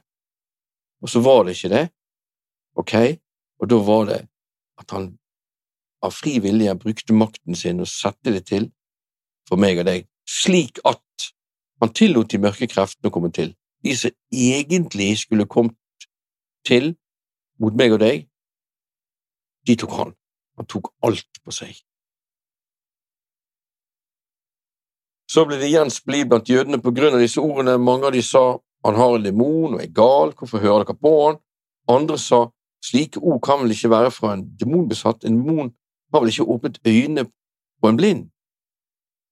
Festen til minne om tempelets innvielse ble nå holdt i Jerusalem, og det var vinter. Jesus gikk omkring i tempelet i Salomos buegang eller søylegang. Da flokket jødene seg om han og sa til ham, Hvor lenge vil du holde oss i spenning? Hvis du er Kristus, så si det rett ut. Jesus svarte de, Jeg har sagt det til dere, men dere tror ikke. De gjerningene jeg gjør i min fars navn, de vitner om meg. Har han sagt det til dem? Jeg er Kristus. Nei, ikke med ord, men de gjerningene han gjør, med de har han sagt mer enn nok. De gjør han i sin fars navn, og de vitner om han, at han er Kristus. Det holder, det. Han sier et annet sted at hadde ikke jeg kommet og gjort de gjerninger jeg gjør, så hadde de hatt unnskyldning for sin synd. Men nå har de ikke det, for jeg er kommet og gjort de Altså, har du Altså, er du menneske på jorden, har du hørt om Jesus, helbredet de syke, det er mer enn nok til at du burde at du er skyldig til å finne mer ut av det og omvende deg. Å ja, det var en sånn mann her, ja, han hadde bredet og sånn og sånn og sånn. Eller at du på en eller annen måte opplever han i dag, da, gjennom de troende, at slikt noe skjer. Vel, det vitner. Dette er Guds sønn. Ja, men det fins jo mange healere Ja da, men de har alltid noe vedheng. Sånn, enten må du ha den mynten rundt, eller den amuletten rundt halsen livet ut, eller du må ditt, du må datt. Det er alltid noe. Så vi har en viss makt inn i åndeverden fordi vi er åndelige alle sammen, vi mennesker. Vi har livsånden. Og noen de har også viss makt fordi de har klyvet over gjerdet og er tyver og røvere og holder på med ting og tang. Jo da, men eh, Og du kan, du kan flytte ting i åndeverden, men til syvende og sist en ren helbredelse, som det står i Bibelen, det er bare én som gjør mirakelgjerninger. Under. Det er Gud. Men jeg har sagt det til dere, men dere tror ikke. De gjerninger gjør i min fars navn, de vitner om meg, men dere tror ikke. Og så kommer det noe som virkelig har hjulpet meg i mitt liv, i hvert fall. Fordi dere ikke er av mine sauer, som jeg sa til dere. Og det er dårlig oversatt her. Sånn som den ISV-oversettelsen, den har ikke med den her, som jeg sa til dere. Og King James har en make til her, men jeg tror det er feil.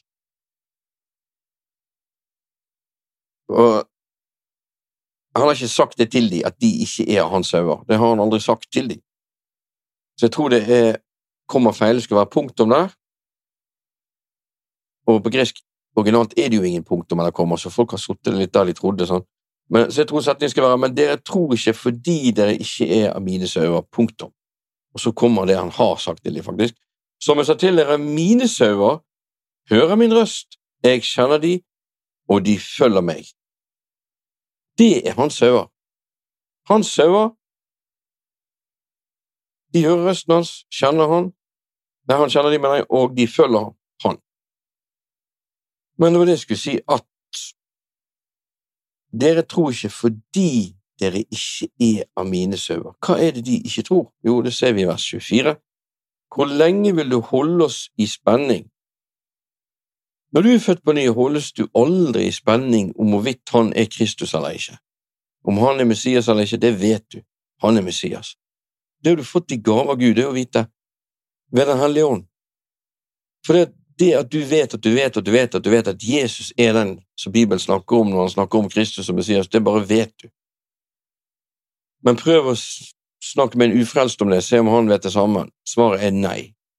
Han kan lure på det, han kan holdes i spenning, men du lurer ikke på det. Hvorfor gjør du ikke det? Fordi du tror. Men dere tror ikke fordi dere ikke er av mine sauer. Altså, de som holdes i spenning om hvorvidt han er Kristus eller ikke, de er ikke hans sauer. Men de som vet at han er Kristus, de er hans sauer. Kort og greit. Det betyr at du er ekte, du er født på ny, du har Den hellige ånd, for du hadde ikke klart å tro det uten Den hellige ånd. Det hadde vært umulig for deg. Det betyr at Gud bor i deg, han står seg ved deg, nøyaktig like mye som han gjorde når du ble frelst. Og er du født og oppvokst og aldri hatt et frelsespunkt, du har i hvert fall et punkt der du påkaller Jesus og vil tilhøre han. Og om du ikke har det, det er åpent. Gjør det. Og ditt vitnesbyrd er like sterkt som mitt, spør du meg. altså Tenk å få vokse opp i der foreldre liksom var opptatt av Jesus. Det må jo være helt enormt, selv om du var religiøs og ja takk, gjerne. For det, Alternativet er faktisk verre uansett hvordan du anvender på det, omtrent. Omtrent. Det finnes vel noen ekstreme hyperreligiøse, strenge, ugudelige hjem, dessverre, som, som gjør det i det de kaller Jesu navn, men det er nå heller unntaket. De fleste kristne hjem i dag, det er ikke supert, men det er jammen santen bra likevel mye. Takk Gud for det som er bra, tenker jeg, og resten det får vi bare hive over bord, holdt jeg på å si. Men sånn, dere tror ikke fordi dere ikke er av mine sauer. Tenk å være en av hans sauer, det betyr at han mener det nøyaktig like mye nå. Husker jeg, men hva om du angrer deg da, Gud? Da kommer med det verset det står i 1. Johannes kapittel 5 vers 1. Hver den som tror at Jesus er Kristus, er født av Gud. Og det står ikke hver den som trodde at Jesus Det står tro. Og det står heller ikke ble født av Gud, det står er født av Gud. Det betyr du er 100 ekte. Du må ikke bli ekte. Og det er klart at når Gud frelste deg, ville han å frelse? Ja, selvfølgelig ville han det, det merket du jo. Ja, men mener han det like mye nå? Ja, det er jo akkurat det han gjør. Han er den samme i går og dag til evig tid, og tror du, så er jo det superbevis på at Den hellige ånd bor i deg. Du hadde ikke klart å tro uten Han. Og hvis Han bor i deg, ja, så gjelder jo alle løftene, de har fått sitt ja og amen i Han. Det betyr Gud mener det like mye som Han frelste deg, like mye som i de 2000 årene før Han frelste deg, like mye som Jesus når han gikk fra Getsemane og videre, så var du i hans hjerte, uten tvil. Du var med. For det er umulig at du hadde blitt frelst om ikke Gud tok initiativet. Hvordan kan de tro uten at noen forkynner? Hvordan kan de forkynne uten at de blir utsendt? Har Gud sendt det til deg for å få tak i deg? Og som Jesus sier, ingen kan komme til meg uten at Faderen som har sendt meg, drar han. Så Faderen har dratt deg til Jesus, og han er den samme. Han angrer ikke sin over sitt kall, du er utvalgt før verdens grunnlov ble lagt, og Gud står like fast i sitt forsett som han gjorde den gangen. Han vet de tanker han tenker om deg. Det er fredstanker, og ikke noen tanker altså, Gud er ikke usikker på hva han tenker om deg. Han vet de tanker han tenker om deg. Det er fredstanker, ikke tanker til ulykke, og han gir deg fremtidig håp, eller, som det også kan oversettes med, han gi deg den fremtiden du håper på nemlig til syvende og sist selvfølgelig da Kristus, og i håp er vi frelst, sier Bibelen. Så du er ekte, genuin, hellig, rettferdiggjort, herliggjort, elsket, sønn eller datter. Du er plassert med Han i det himmelske, og Gud ønsker sterk relasjon med deg. Men dere tror ikke fordi dere ikke er av mine sauer. Som jeg sa til dere, mine sauer hører min røst, og det har han faktisk sagt til dem. Så det stemmer at denne skal høre til vers 27. Mine sauer hører min røst, og jeg kjenner de, og de følger meg. Og da er det sånn Her i Norge har vi den avarten at vi, sant, Paulus snakker om et annet evangelium. Jeg pleier å si vi trenger ikke være redd for det her i Norge, for her har jo vi allerede et annet evangelium. Det er mange kristne som ikke vet hva jeg snakker om engang i det hele tatt når jeg snakker om å høre Guds røst. Jeg husker før på 90-tallet så ble jeg til og med baktalt av kristne fordi jeg visstnok sa at Gud sa sånn og sånn. Jeg husker jeg svarte noen at jeg visste ikke det at det var bare amerikanerne som lot å komme her og si det. And God told me, og da aksepterer vi det helt. Men jeg da, som nyfrelst, da var det fy-fy, jeg måtte ikke si det for høyt. Og jeg lærte meg til å tie mer, da. I dag er det jo en skam, for her er standarden. Skal jeg skamme meg over at jeg hører hans røst etter jeg er født på ny? Skulle det bare mangle, vel? Den som skammer seg over meg og evangeliet, han skal også jeg skamme for, sier Jesus. Men den som bekjenner meg og evangeliet for menneskene, han skal også jeg stå med ved. mine fars engler når jeg kommer med min fars herlighet. Ja, ok. Amen. Dette evangeliet. Jeg Nei, ja, jeg Nei, mine, mener jeg. Mine sauer hører min røst, og jeg husker før, sant? jeg hørte han, så mistet jeg det, følte jeg. Og så prøvde jeg å høre han igjen, og gikk ikke, jeg brukte lang tid og var frustrert. Og en dag hørte jeg han igjen. Jeg spurte han hva skjedde. Nei, du er ikke kalt til å prøve å høre min røst. Det står ikke mine sauer skal prøve å høre min røst. Og du kan heller ikke få til noe, sa han, som jeg har gitt deg allerede. Da, altså, jeg er flink, jeg hører Guds røst. Nei. Det er gitt deg når du er født på ny. Her er det du har fått hvis du er hans sauer. Mine sauer, for det første er du hans sin. For det andre så hører du hans røst. Ja, hører du stemmer, da? Nei, jeg hører ikke stemmer, jeg hører stemmen. Stemmer, det har jeg hørt. De er pågående mot min vilje, og heldigvis, mange år siden ja, Det hender vel det dukker opp hvis fienden angriper, men Den hellige hånd, han er gentle. Du må invitere, du må åpne opp selv, du må vente på han. Sånn. Mine sauer hører min røst, og jeg kjenner de, og de følger meg. Ja, men det er skummelt å høre etter ting. Det kan være det der er svermeriskt. Det kan være skummelt. Da kan du gå feil. Ja, det var jeg òg redd for før, men så leste jeg jo videre her sånn. De følger meg. Når du er født på ny, det er gitt deg å hører hans røst, og han kjenner deg, altså inngående. Ja, men jeg føler ikke Gud forstår meg, han kjenner Jo, han kjenner deg og de følger meg. Det er gitt deg det òg, det er et løfte her om at du kommer faktisk til å følge Han. Tror du hyrden går med på hvis du oppriktig tar imot hans lite barn og er sårbar som bare det, og så kommer fiender og lokker deg ut på sidelinjen, og du Ja, dermed forsvant du. Nei, ikke han hyrden nå, som med kjepp og stav trøster deg og hjelper deg. Ikke han den som går og leter etter den ene sauen nå, og han plutselig forandrer seg. Tror ikke du Gud vet at jo mer du melder deg sårbar på å prøve å følge det du tror og har i hjertet ditt, jo mer beskyttelse må du ha?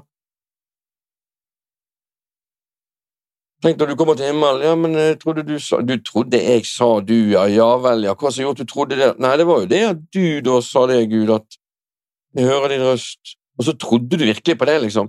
Skulle Gud si noe så dumt som det? Aldri. Han liker det når vi er frimodige. Frimodige tar stor lønn og spesielt når vi er frimodige på hva han sjøl har sagt. Her kan du både prøve og feile, ja, det vil skje uansett, men det er trygt. Her er sannheten nemlig, mine sauer hører min røst, og jeg kjenner de, og de følger meg. Jeg gir de evig liv, og de skal aldri evig gå fortapt, heller ikke skal noen rive de ut av min hånd. Min far som har gitt det til meg, er større enn alle, og ingen er i stand til å rive de ut av min fars hånd. Jeg og min far, vi er ett. Jeg husker jeg, jeg var jo redd for å gå feil og gå fortapt og se om jeg ikke er på fortapelsens vei og led meg inn på rettferdighetens vei, sånn som det står i Salme 139, slutten der, mener jeg husker. Jeg ba og var usikker, og Gud sa til meg, Karsten, ja, du kommer aldri til å gå fortapt. Og da tenkte jeg at dette kan ikke være Gud, for det der er sånn, Da blir du for trygg igjen, på en måte. Da, da blir du for trygg. Det kan være farlig. Så det liksom Ja vel, uh -huh. Men, men sant, du kan ikke bare si det, Gud. Det må, jo, må stå et sted i Bibelen, liksom. Ja, det står sånn. Ja vel, da var jeg enda mer mistenksom. Jeg, var, jeg var jo sikker på at det var Gud jeg hørte frem til da, men nå begynte jeg å lure her. sånn. Hvor står det, da? liksom? Nei, det står i Johannes kapittel 10. Gjør det det? Og så leste jeg, da. Og jeg fikk jo Jeg tenkte, jeg har lest det mange, mange Aldri tenkt på Jeg gir de evig liv, de skal aldri i evighet gå fortapt. Det er jo både et løfte og en sannhet. Aldri i evighet skal du vite, da. Han vil du skal vite det. Ikke sånn, ja, Da blir du for trygg, og det er skummelt, og da kan du gå feil. Det er jo Jesus vil jo du skal vite, Evig liv, aldri evig gå fortapt. Ja, men det kan jo være det at du på en måte noen kommer og lokker deg vekk. Nei, det kan ikke. Heller ikke skal noen rive det ut av min hånd. Og noen, det er jo inkludert djevel, det er inkludert deg sjøl. Ingen står det på gresk. Min far som har gitt det her òg, større enn alle, og ingen er i stand til å rive de ut av min fars hånd. Det betyr at du ikke er i stand til det, djevel er ikke i stand til det, ingen andre er i stand til det, han gjorde at ikke jeg går med Gud lenger. Jeg har hørt sånn han gjorde at den og den falt fra.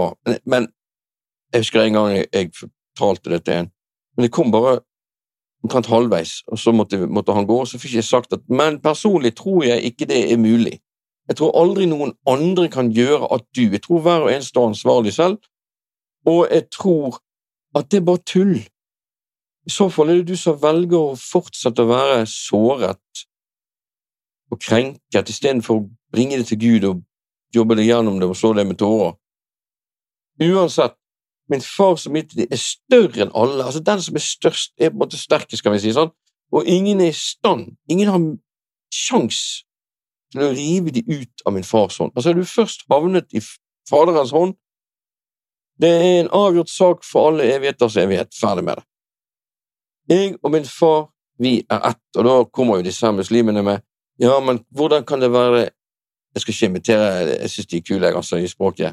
Jeg synes faktisk de har en veldig kul måte å snakke norsk på, men innholdet i akkurat dette her synes jeg lite om. For da kommer det her med Eller jeg synes det er greit, det òg, men de kommer med hvordan kan Gud være tre og samtidig bare én? Og det er jo samme som hvordan kan familien Olsen være syv stykk, men samtidig én? Det er et eksempel. Ja, Var det en Olsen som var her? Ja, det var det. Ja, Har han signert? Ja, det har han. Ja, greit. Men det var jo sønnen, det var jo ikke faren, og det var jo datteren, det var jo ikke mor Nei, det spiller ingen rolle, det var en Olsen. Ja, er de ett i denne saken? Vi vet jo det at alle de med litt penger og sånn, stort sett er de ett. Ringnes-familien, eller Rimi-Hagen-familien, eller, eller jeg, jeg, vet ikke, jeg kjenner ikke til, men jeg vet at de og deres greie står for dette utad. De eier det og det konsernet, de har det og det. Sånn er det med det største konsernet, kan vi si, nemlig Gud. Og vi har enda sterkere enn det. Altså, hvis du er en liten maur, og så møter du på en trekløver Og vi er på en måte små maurer, litt sånn. Så ser du å ja, her er det et blad. Her er ett blad. Oi, her er et nytt og et annet blad. Og her er enda et tredje blad. Men så hjelper du mauren litt opp i fugleperspektiv. Og så, nei, men det er jo bare ett blad, jo. Ja, det er en trekløver. Ja, men jeg møtte jo på tre blader. Nei, du møtte på Det så sånn ut, men de hang sammen baki der. Og med en familie kan det jo være forskjellige meninger innad og ut, men med Faderen og Jesus, de er ett. I tanke, hjerte, i handling, i alt. Selv om de er det, så er de likevel tre personligheter. Og det ser vi blant annet i Getsemane. Men de viker ikke fra hverandre i hensikt i handling, selv om de kan føle forskjellig. Det er litt spennende på en måte med Gud, fordi han er jo tidløs og vet alt, så sånn sett kan du aldri sjokkere han, han kan aldri bli skuffet over deg, han vet alt i forkant. Men på den annen side så står det jo om at vi ikke skal gjøre Den hellige ånds sorg. Hvordan kan noen oppleve sorg hvis de vet det i forkant? Jo, det ser vi jo. Jesus visste jo at han skulle dø på korset, men likevel, når han kom til Getsemane, begynte han faktisk å svette blod. Og i tillegg, jo da, Gud er utenfor tiden, men han er òg inne i tiden. Han har begge sidene. Og han utenfor tiden og han inni de er ett. Men nok om det. Jeg og min far, vi er ett. Det betyr at menneskesønnen kan ikke gjøre noe av seg selv, men bare det han ser Faderen gjøre. Og Den hellige ånd, talsmannen, sant, når han kommer, han skal ikke tale seg selv, men det han hører, skal han tale, videre. Det betyr at alt er å springe ut fra Faderen, egentlig, og det skjer gjennom Sønnen, med Den hellige ånds kraft, kan vi si. Vi ser de tre allerede i begynnelsen av Bibelen. sånn. Da ser vi Guds ånd svevde over vannet, og Gud sa. Da var det ordet. Jesus er ordet. Nå er det mye mer her òg, men jeg tror litt på dette med at når du, når du høster inn kornet, så skal ikke du så helt ut i kantene, men det skal være noen også plukke opp til andre òg. Så her er det noen aks igjen, selvfølgelig. Og jeg leser litt sammenhengen. Jeg leser det Jeg begynner på vers 1 nå, kapittel 10. For jeg tror det at nå er det åpent for at du kan gå inn i dette her, og det blir ditt først. Hvis ikke du har vært der før, da. Først nå. Eller kanskje du har vært der før, men du ser ting. Men det må bli ditt. sitter du igjen med at du hørte at jeg, at jeg er flink å preke, eller noe, så har du virkelig bommet. For jeg prøver bare Eller ikke bare prøver, men jeg løfter frem det som Gud har kalt meg til å løfte frem, nemlig Hans ord.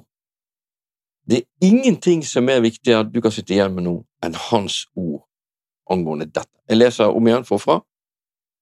Sannelig, sannelig, sier dere, den som ikke går inn i saueinnhegningen gjennom porten, men klatrer over et annet sted, han er en tyv og en røver, men den som går inn gjennom porten, er sauenes hyrde.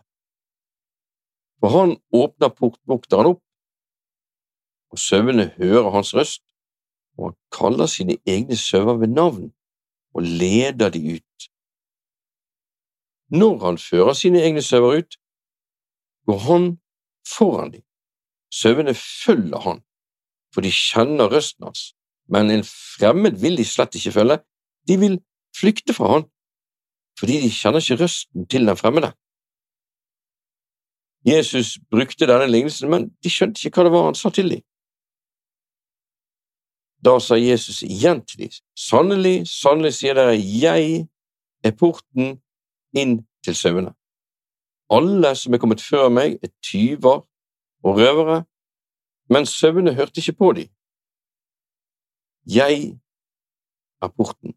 Hvis noen går inn gjennom meg, skal han bli frelst, og han skal gå inn og gå ut og finne beite. Tyven kommer ikke for noe annet enn for å stjele, drepe og ødelegge. Jeg er kommet for at de skal ha liv, og det i overflod. Jeg er den gode hyrde. Den gode hyrde setter sitt liv til for sauene.